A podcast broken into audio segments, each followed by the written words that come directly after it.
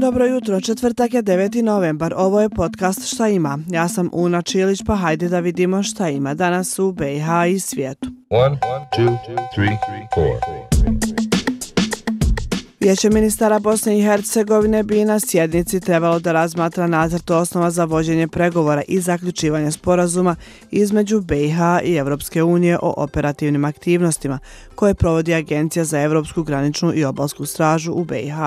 Predviđeno je razmatranje nacrta sporazuma o uzajamnom priznavanju i zamjeni vozačkih dozvola između Vijeća ministara BiH i vlade Ujedinjenih Arabskih Emirata.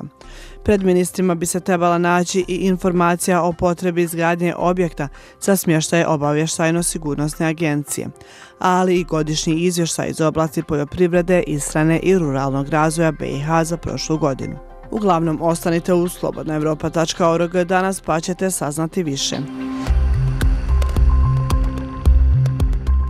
Na današnji dan prije 30 godina srušen je stari most u Mostaru, jedan od simbola grada i jedan od najznačajnijih spomenika osmanske arhitekture na Balkanu, sagrađene 1566. godine. U vrijeme kada je most rušen u novembru 1993. Edin Palata koji je snimio rušenje mosta imao je samo 20 godina.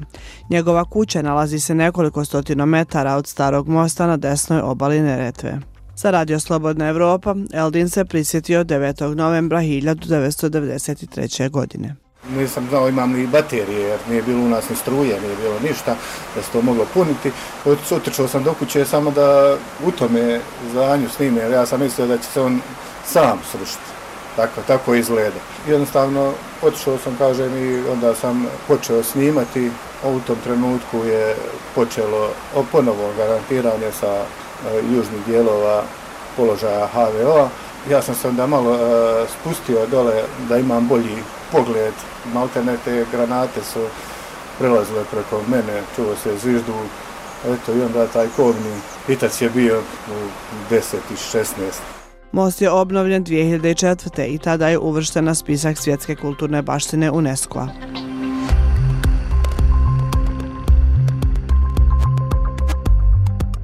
Širom svijeta se obilježava svjetski dan usvajanja djece.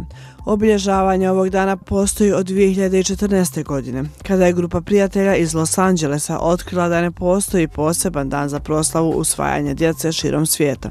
Dan je kreiran u svrhu proslave porodice, podizanja svijesti o usvajanju i prikupljanja sredstava za podršku porodicama koje se nalaze na putu usvajanja.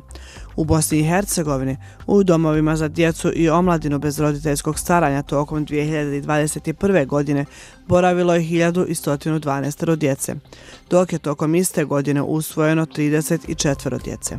Usvajanje djece u BiH je kompleksan proces, a usvojiti se mogu djeca bez roditelja ili odgovarajućeg roditeljskog staranja a povodom svjetskog dana usvajanja sinoć je u Sarajevu predstavljena slikovnica Naša priča, koja donosi priču o stvaranju porodice putem usvajanja.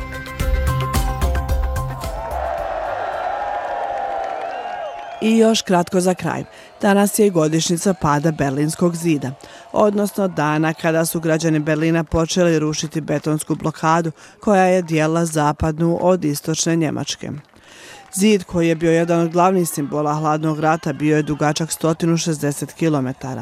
Pad Berlinskog zida označio je i početak ujedinjenja Njemačke, a naredne dvije godine pao je svaki komunistički režim u Evropi.